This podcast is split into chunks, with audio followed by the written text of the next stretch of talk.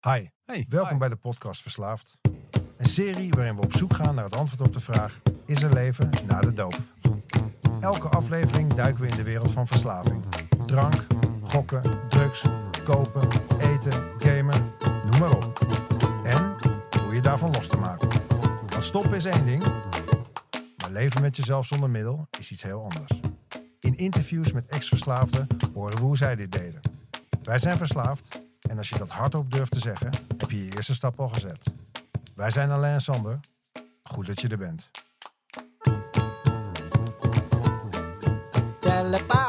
Yo, petapetakamp. Welkom terug. Welkom terug, podcast Verslaafd. We gaan door eh, met Jan. Nog steeds Jan. Vier Dit- afleveringen. Ja. Dit is nummer twee. Let's go. Beatles of the Stones? Stones. Bam. Hallo hè? Hallo. Ja. Ja. Hoewel ik later natuurlijk Beatles ook ben gaan waarderen. Maar in die tijd had je echt die scheiding. Nou ja, je zegt het al blues. Dus, eh, Stones waren de, de dat waren de rebellen. En, eh, weet je wel, hey, wat was de LP die in je, jonge, in je adolescentie of rond die tijd, zeg maar, je puberteit of je volwassen worden, de jouw leven eh, veranderde? Nou, dat kan ik bij geen enkele LP zeggen. Het viel samen met een hoop veranderingen. Maar ik kan me wel herinneren dat ehm, die, eh, die LP Aftermath heet die geloof ik, van de Mhm, Stones. Dat ik die had in ieder geval. Dus ja, dat, want zoveel geld hadden we in de tijd helemaal niet. Dus, eh, dus Nee. als je dan eenmaal een LP had, dan draaide je hem ook helemaal grijs Ja. natuurlijk. Ja. En ehm, wat, wat mij ook wel enigszins beïnvloed heeft, is de West Side Story. Die toen voor het eerst dus verscheen. Die film was natuurlijk heel erg indrukwekkend. Maar vooral die muziek.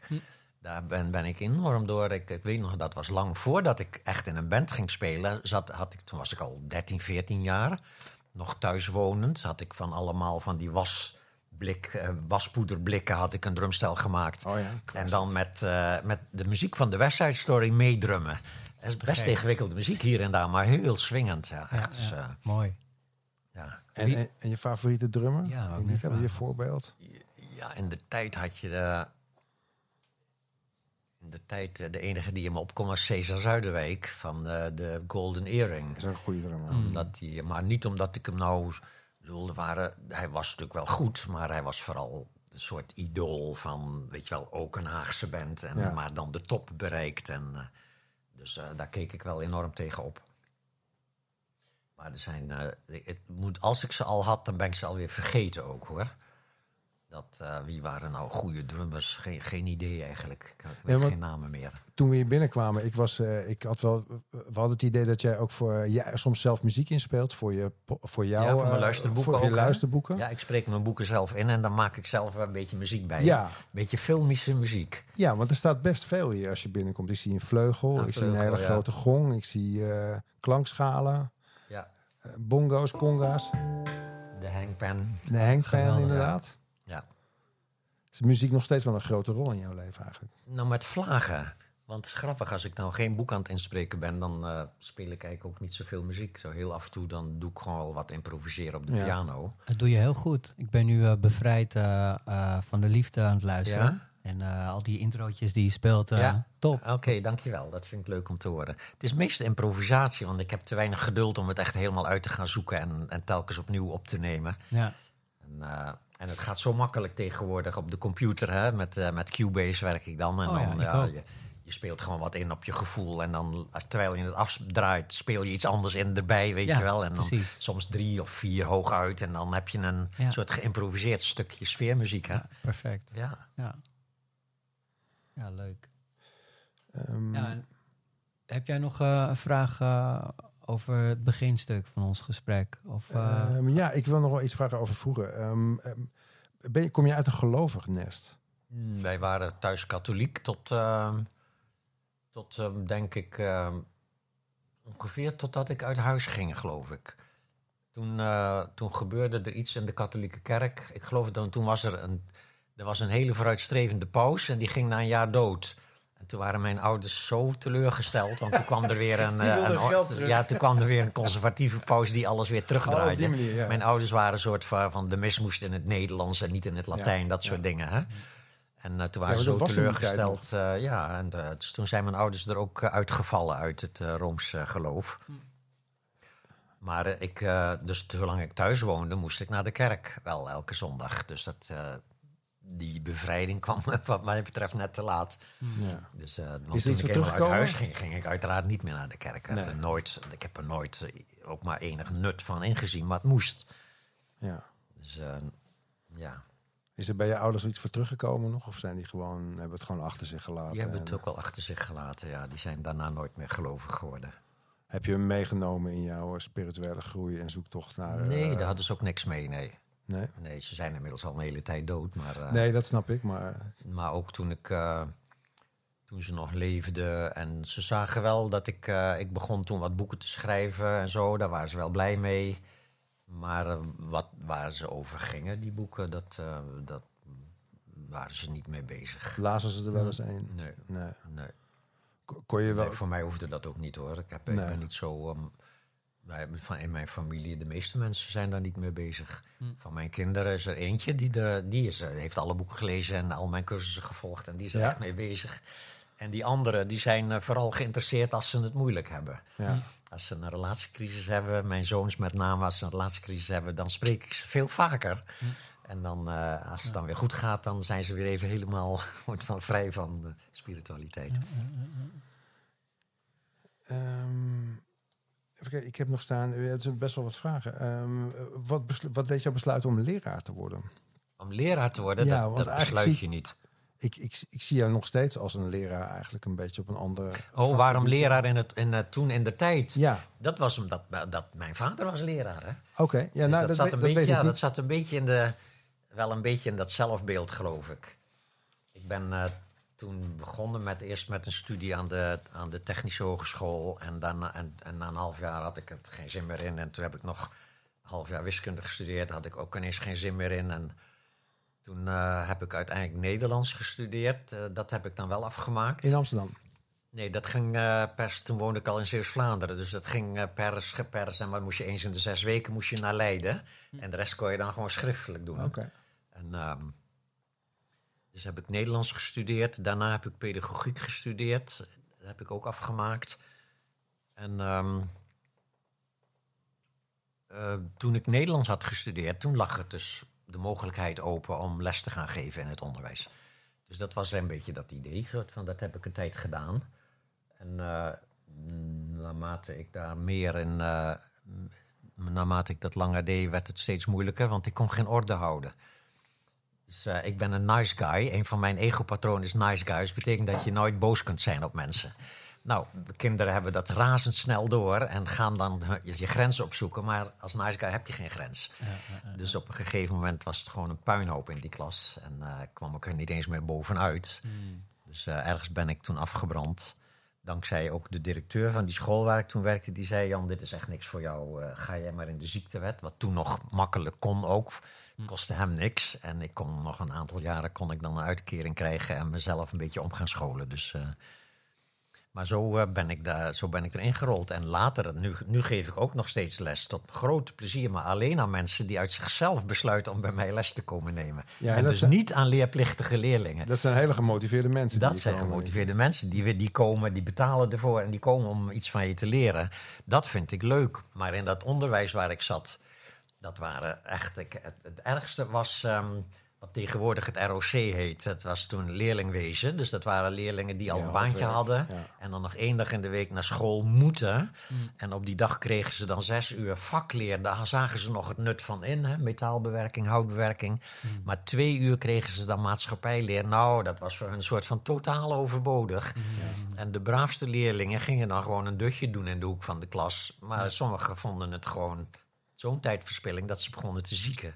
En daar kon ik dus absoluut niet tegen. Dus, Nee, eh, dat lijkt me ook heel zwaar. is echt, eh, ja, dus toen ben ik afgebrand. Eh, godzijdank eigenlijk, dat heeft me toen bevrijd van dat hele onderwijssysteem. Want het is wel een, een fuik in het onderwijs. En dat toen in de tijd eh, had je een vaste aanstelling, dan zat je gebeiteld tot je pensioen met Ja. een redelijk goed salaris.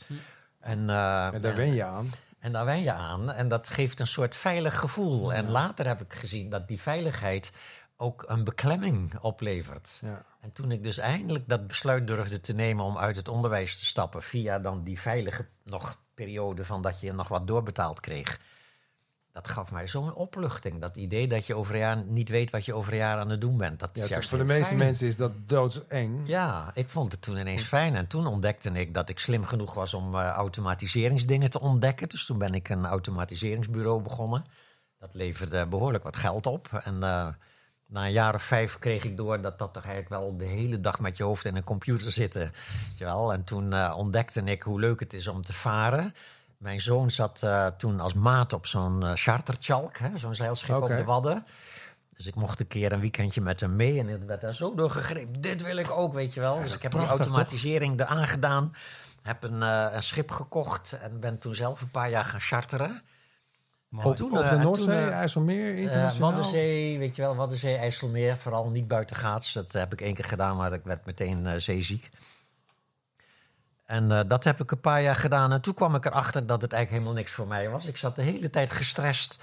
Want dan ging dat schip bij een beetje wind ging dat schuin hangen. Maar Ja. ik had natuurlijk nul ervaring. Ja. Dus ik werd gewoon doodsbang. En dan zat je ook nog met allemaal mensen aan boord die, die onder nul ervaring hadden. Ja, nog minder dan ik. Dus je eh, moet toch een groot vaarbewijs halen? Ja, dat haal je natuurlijk zo eventjes theorie leren Ja? en klaar ben je. Weet je wel. Dus eh, nee, dat, eh, ik, ik was slim genoeg om dat vaarbewijs te halen. Maar ik had natuurlijk geen ervaring. Ja. Dus ik Ja, zat altijd, ik zat altijd met het zweet in mijn handen daar. Dus op een gegeven moment dacht ik, dit doe ik niet meer. Hm. Maar toen ontdekte ik dus weer dat ik stoppen met rokentrainingen kon gaan geven. Dus dat ben ik toen gaan doen. En dat schip ben ik op blijven wonen. Dat was wel leuk.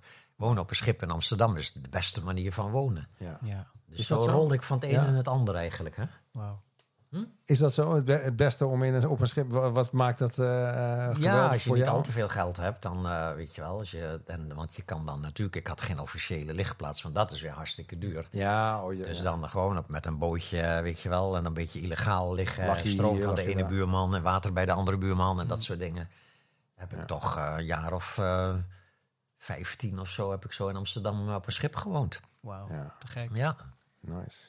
Oké, Ja, ja, maar- eh, we gaan nu een omkeer maken. Ik zeg, eh, is er leven na de doop? is er leven na de dood? Ja, je kijkt wel het sterker. Er is alleen nog maar na de doop begint het leven. Ja, Ja, als je wil leven, moet je stophouden met je doop. was jij wel verslaafd eh, als je zo makkelijk, makkelijk kon stoppen?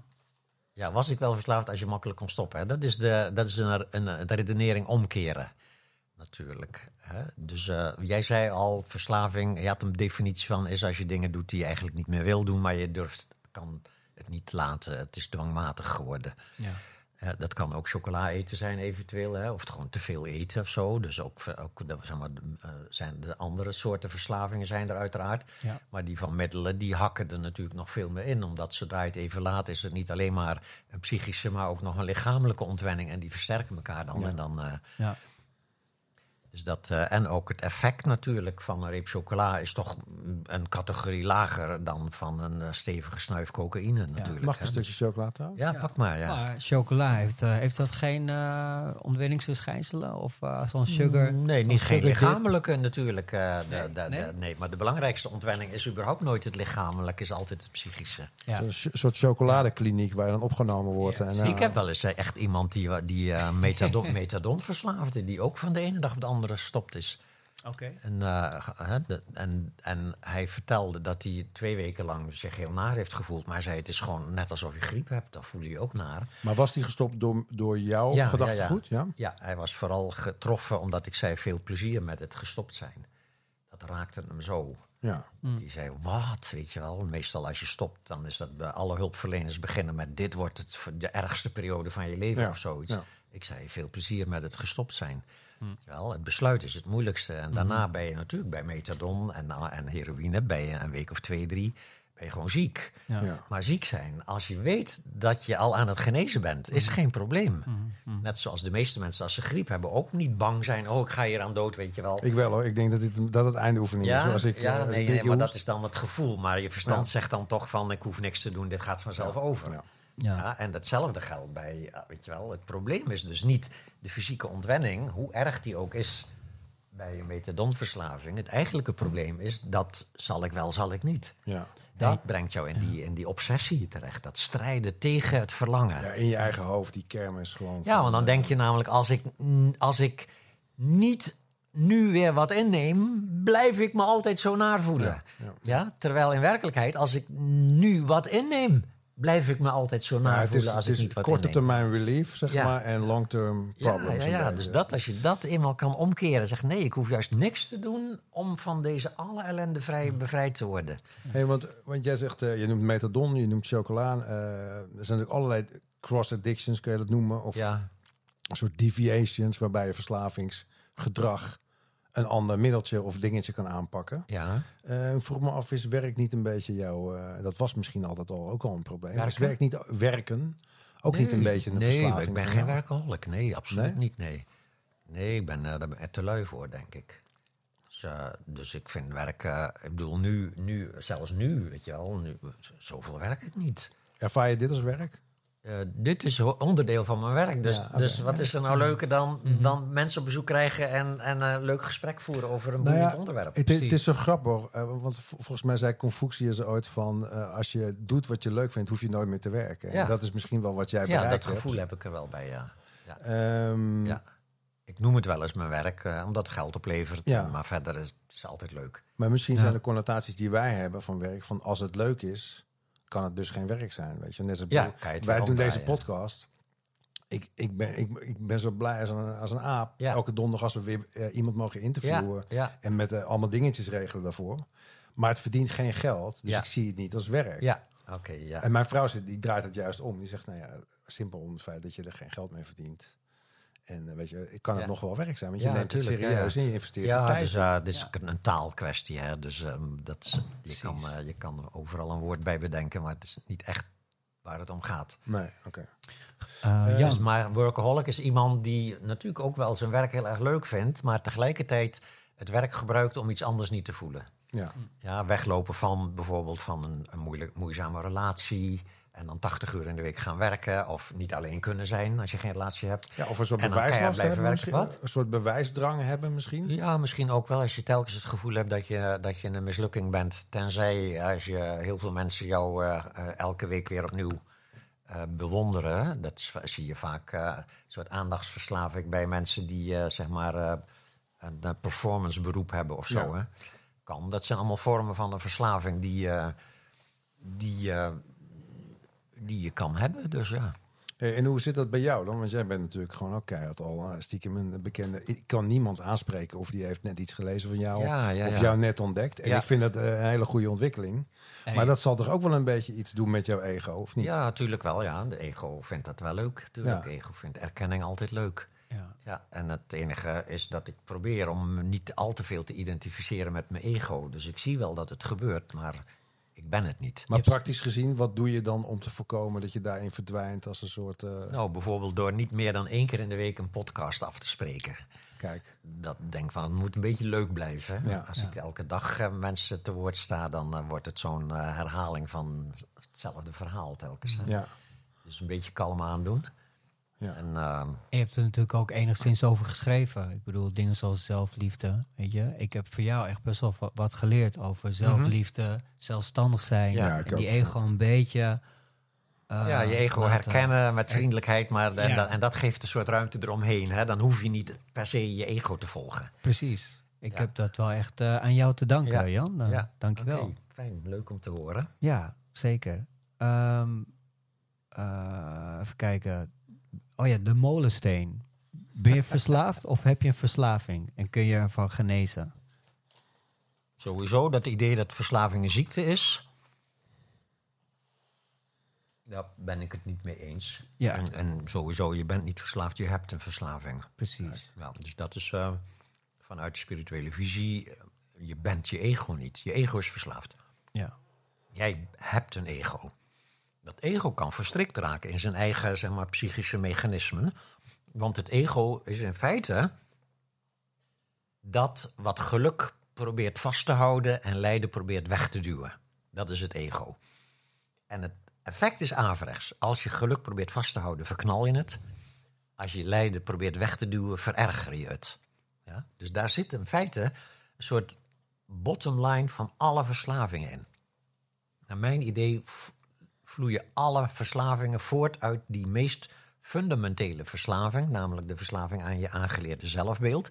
En in dat aangeleerde zelfbeeld zit een diepe overtuiging dat je niet goed bent zoals je bent, maar dat je je goed kunt voelen als andere mensen jou aardig vinden.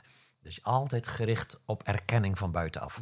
In kleine beetjes in, of in grote beetjes bij een liefdespartner. Altijd moet je je eigen waarde ontlenen aan erkenning van anderen. En als die dan een tijdje ontbreekt, omdat je even te lang alleen bent, weet je wel, dan valt daar dus een gat in. En dan voel je weer dat diepe gevoel van mislukt zijn, of niet om van te houden, of niet mooi genoeg, niet slim genoeg, niet sterk genoeg, of wat dan ook. En verslavingen hebben vaak, vooral de verslaving aan middelen natuurlijk, hebben vaak die connotatie van ik ben niet sterk genoeg, ja, ik ben slap of zwak. Hè? En die overtuiging die moet dan weer toegedekt worden, die wil je niet voelen. En dan neem je dan desnoods maar een middel. Precies. Ja. Hoe, hoe, hoe, praktisch gezien, zeg maar, wat kun je doen om daar beter in te worden? Beter in wat? Eh, in wat je, om te onderscheiden wat, je ego, wat, wat ego is en wat echt is. Oh, waar- ja, waar je ja, op ja, ja. focussen. Ja, Wat- dus dat is in feite waar de hele spirituele pad over gaat. En, en, en waar een speciale vorm van meditatie over gaat. Dus, dus de meditatie die ik en mensen leren in mijn cursussen, is de meditatie waarbij je probeert bewust te zijn van gedachten, gevoelens en percepties. Dus alles wat je ervaart. Zonder daar iets aan te veranderen. Zonder je ermee te bemoeien. Zonder nare gedachte moet veranderen in een leuke gedachte. Weet je wel, rotgevoel moet veranderen in een fijn gevoel. Dat is wat het ego altijd doet. En daarmee identificeer je je dus met je gedachten en je gevoelens. Maar als je leert om te kijken, oh, nou heb ik een rot gedacht. Oh, nou voel ik me ongemakkelijk, geeft niks, mag best, laat mij dat maar even voelen. Dus in feite zonder die verkramping van het ego van ik moet nu snel iets doen om me weer goed te voelen. Ja.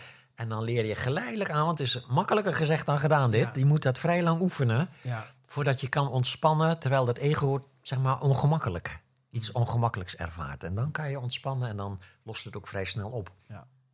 Dus dat is even heel kort door de bocht, weet je wel. Ja, de- het spirituele Maar pad. jij, jij, jij praat er zo makkelijk over, want jij bent hier natuurlijk al jaren mee bezig. Maar voor ons is het nog iets waar we echt Ja. best wel wat eh, moeite in moeten steken, wat helemaal niet erg is.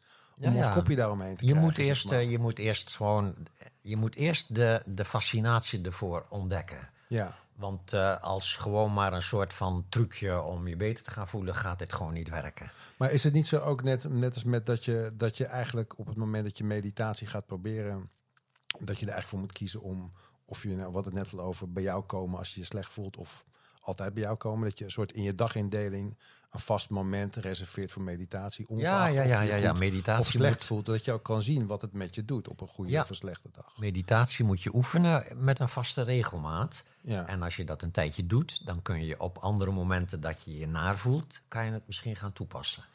Ja. daar, doe, daar doe je het voor. Je mediteert niet alleen maar om een lekker rustig kwartiertje te hebben in een druk leven. Nou, daar, daar wou ik nog iets over Nou, zeggen. Want ik nou. vond dat, eh, Daar veel eh, mensen wel, ja, nou ja, maar ik- dat is niet de methode waar ik het hier over heb. Nee, ik, Nee. ik zat te kijken naar een andere podcast van ja, ik heb een paar boeken gelezen. Ik heb ook aardig wat podcasts inmiddels van je bekeken en geluisterd. En in een van die dingen vertel je ook dat het eigenlijk prima is als mensen tien minuten met hun ogen dicht even rustig willen worden. Ja. Maar je zei het op zo'n manier dat ik dacht van, hmm, hij keurt het goed, maar in je stem hoorde ik dat, je, dat er ook nog iets anders Ja, is. exact. Ik keur het goed, want het is gewoon prettig. Ik bedoel, je mag ook Nee, naar ze- sauna gaan zeker, om zeker, te maar- ontspannen natuurlijk. Er is niks verkeerds aan.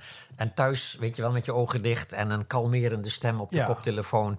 die jou de, de kalmte inbabbelt, weet je wel. Niks op tegen, helemaal oké. Maar het bevrijdt je niet van je identificatie met je ego. Zou jij voor ons en ook voor onze luisteraars, want niet iedereen is al heel ver in de, in de meditatie, ik ook niet, om heel eerlijk te zijn, eh, een klein onderscheid kunnen maken welke vormen van meditatie er zijn en wat ze precies betekenen. Jawel, dat kan ik vrij kort. Eh, Je hebt kalmeringsmeditatie en je hebt inzichtmeditatie. Oké. De kalmeringsmeditatie, die kenmerkt zich door dat mensen zich terugtrekken uit de wereld. Je doet je ogen dicht, je hebt een koptelefoontje op met een Japans fluitje of het ruisen van de oceaan, hè, of zo'n kalme stem. Daar gaat hij weer. Ja? ja? En je gaat zitten en dan, dan volg je je Verder no judgment hoor, maar Ja, en dan, eh, of je doet een bodyscan of zo. Dat zijn allemaal trucjes om eventjes, zeg maar, uit de drukte en een soort innerlijke kalmte te creëren. Ja, ja. En dan doe je dat kwartiertje en dan ben je verfrist, kom je eruit. En dan ga je daarna gewoon je leven leiden zoals je dat gewend bent. ja. Ja, en, en iets van die kalmte kun je nog een tijdje meenemen. Maar als er een beetje op je knoppen gedrukt wordt, als je een relatiecrisis hebt of op je werk loopt het niet meer lekker, dan heb je niks aan die kalmeringsmeditatie. Nee, nee. Ja, Dus dus dat is heel extreem. Alleen kalmeren. Dan heb je de inzichtmeditatie. Dat is de meditatie, die doe je dus met je ogen open. Zonder koptelefoontje en zo. Dus gewoon Zonder Japans fluitje. zijn zonder Japans fluitje. Namelijk, je Zonder ervaart wat je ervaart. Ja, dus je zit meestal in je eigen kamer of zo, of in een bos, waar je dan ook zit. Je zit, je hoort dingen, je ziet dingen, je voelt dingen in je lijf, je voelt dingen met je lijf. En dat allemaal probeer je zo bewust mogelijk te ervaren, zonder er iets aan te veranderen. Dat laatste is cruciaal. Ja. Dat, dat idee dat je moet oefenen om meer compassie te gaan voelen en liefdevoller te zijn en helderder te zijn, dat is een ego-idee. Mhm. Ja, het ego denkt, geef mij een Dat een komt doel. vanzelf als het je lukt, of niet? Ja, ja, ja, ja. En, en, het, en het prachtige beeld wat in, eh in Tibetaans boeddhisme gegeven wordt, is dat van een glas modderig water. Zo, onze geest wordt vergeleken met een glas modderig water. Als je wil dat het helder wordt, moet je er niet in gaan roeren. Of aan gaan schudden. Ja. Dan moet je ervan afblijven. Wel naar kijken, maar ervan afblijven. Op dezelfde manier, als je wil dat jouw geest helder wordt, dus bevrijd wordt van die constante stroom van ego-gedachtes, moet je niet gaan proberen om helderder te worden, om liefdevoller te worden, niet gaan proberen om die geest te kalmeren. Zitten, kijken en niks veranderen. Dus eigenlijk, want eh, wat je zegt net in de natuur, luisteren, kijken, dan ben je dus ook een soort van één met de natuur Dat aan het gaan, waardoor je dus minder met je ego bezig Ja. bent. Want ik hoorde jou ook een keer zeggen van dat met je ogen dicht mediteren eigenlijk een soort ego-meditatie is. Ja, Dat vond ik wel een hele mooie Ja, want ego, is, eh, ego heeft last van stress en ego denkt, dit is een mooie manier om te kalmeren. En nogmaals, dat is het en dat mag. Je mag ook gewoon, je mag een massage nemen, je mag een sauna nemen, je mag eh 20 minuten mediteren. Dat zijn allemaal prima middelen om dat lichaam tot kalmte te Symptoombestrijding brengen. een beetje, of niet? Nou ja, in zekere zin. Het is een gezonde manier van, van, van kalmeren. He- Heel even, bij die laatste meditatie, is dat de Vipass? Vipassana dat is een beetje ingewikkeld binnen het boeddhisme. Vipassana is, komt uit, eh, een, uit, uit, uit eh, de Theravada-traditie.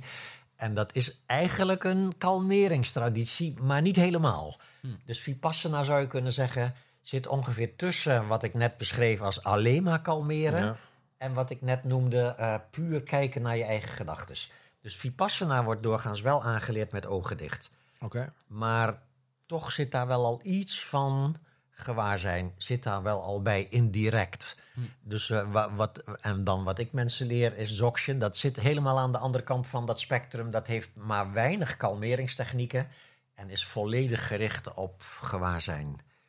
Zeg maar herkennen wie je werkelijk bent. Ja. Heel En, praktisch. en ligt ook het dichtst bij Advaita daardoor. Advaita is tegenwoordig ook erg populair, hè? de non-duale essentie. Ja, en dat, eh, dus dat Dzogchen en Advaita zijn eigenlijk twee soort van twee verschillende tradities die hetzelfde ehm, nastreven. Als je zo ehm, mediteert, zeg maar, ehm, eh, registreren zonder oordeel, gewaarzijn, Mhm. Zou je dat ook midden, zou je dat in principe op een bankje op de dam kunnen doen?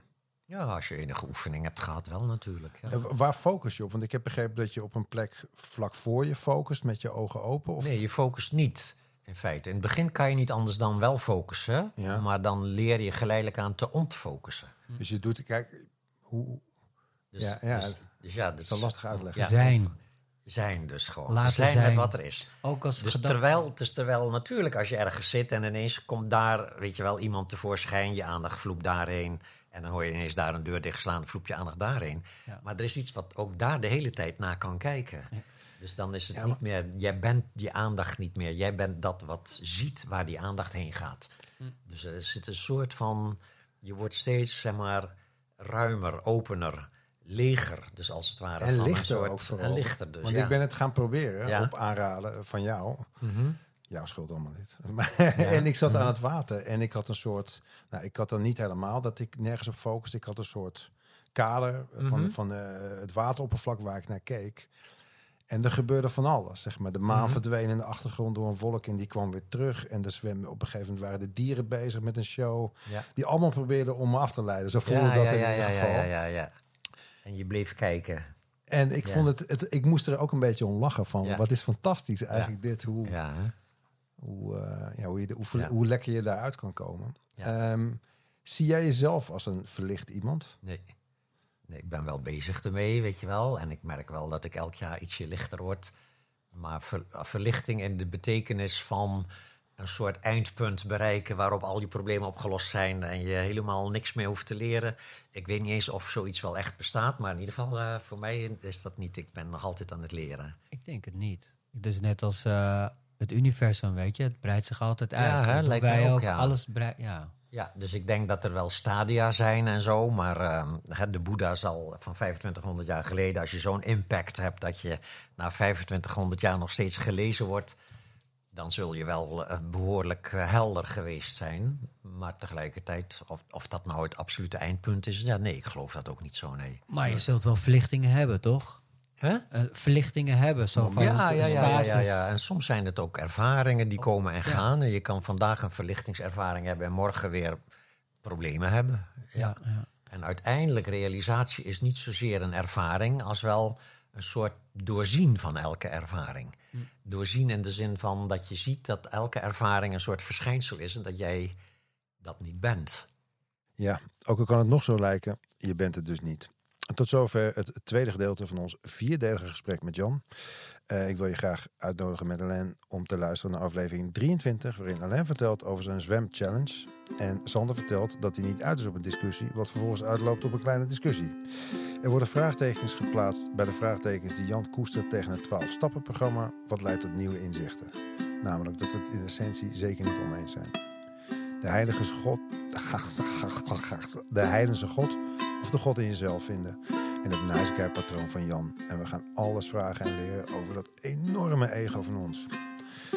Dit was het einde van de podcast. Ehm, graag willen we je uitnodigen om iets achter te laten. Een gesproken boodschap op onze podcast Verslaafd Hotline. 06 85 16 42 64. Of voor onze Belgische luisteraars plus 31 685 16 42 64. Doei! Ja, of gewoon 0685 162 264. Ja, zo kan je het ook zeggen. Ja, als je het zo zegt, dan denk ik ook van ja, dat snappen ze ook. Dit was de podcast Verslaafd. Idee, productie en uitvoering Alain, Sander en Bas. Muziek en geluid door Tedo Beats. Tot de volgende podcast.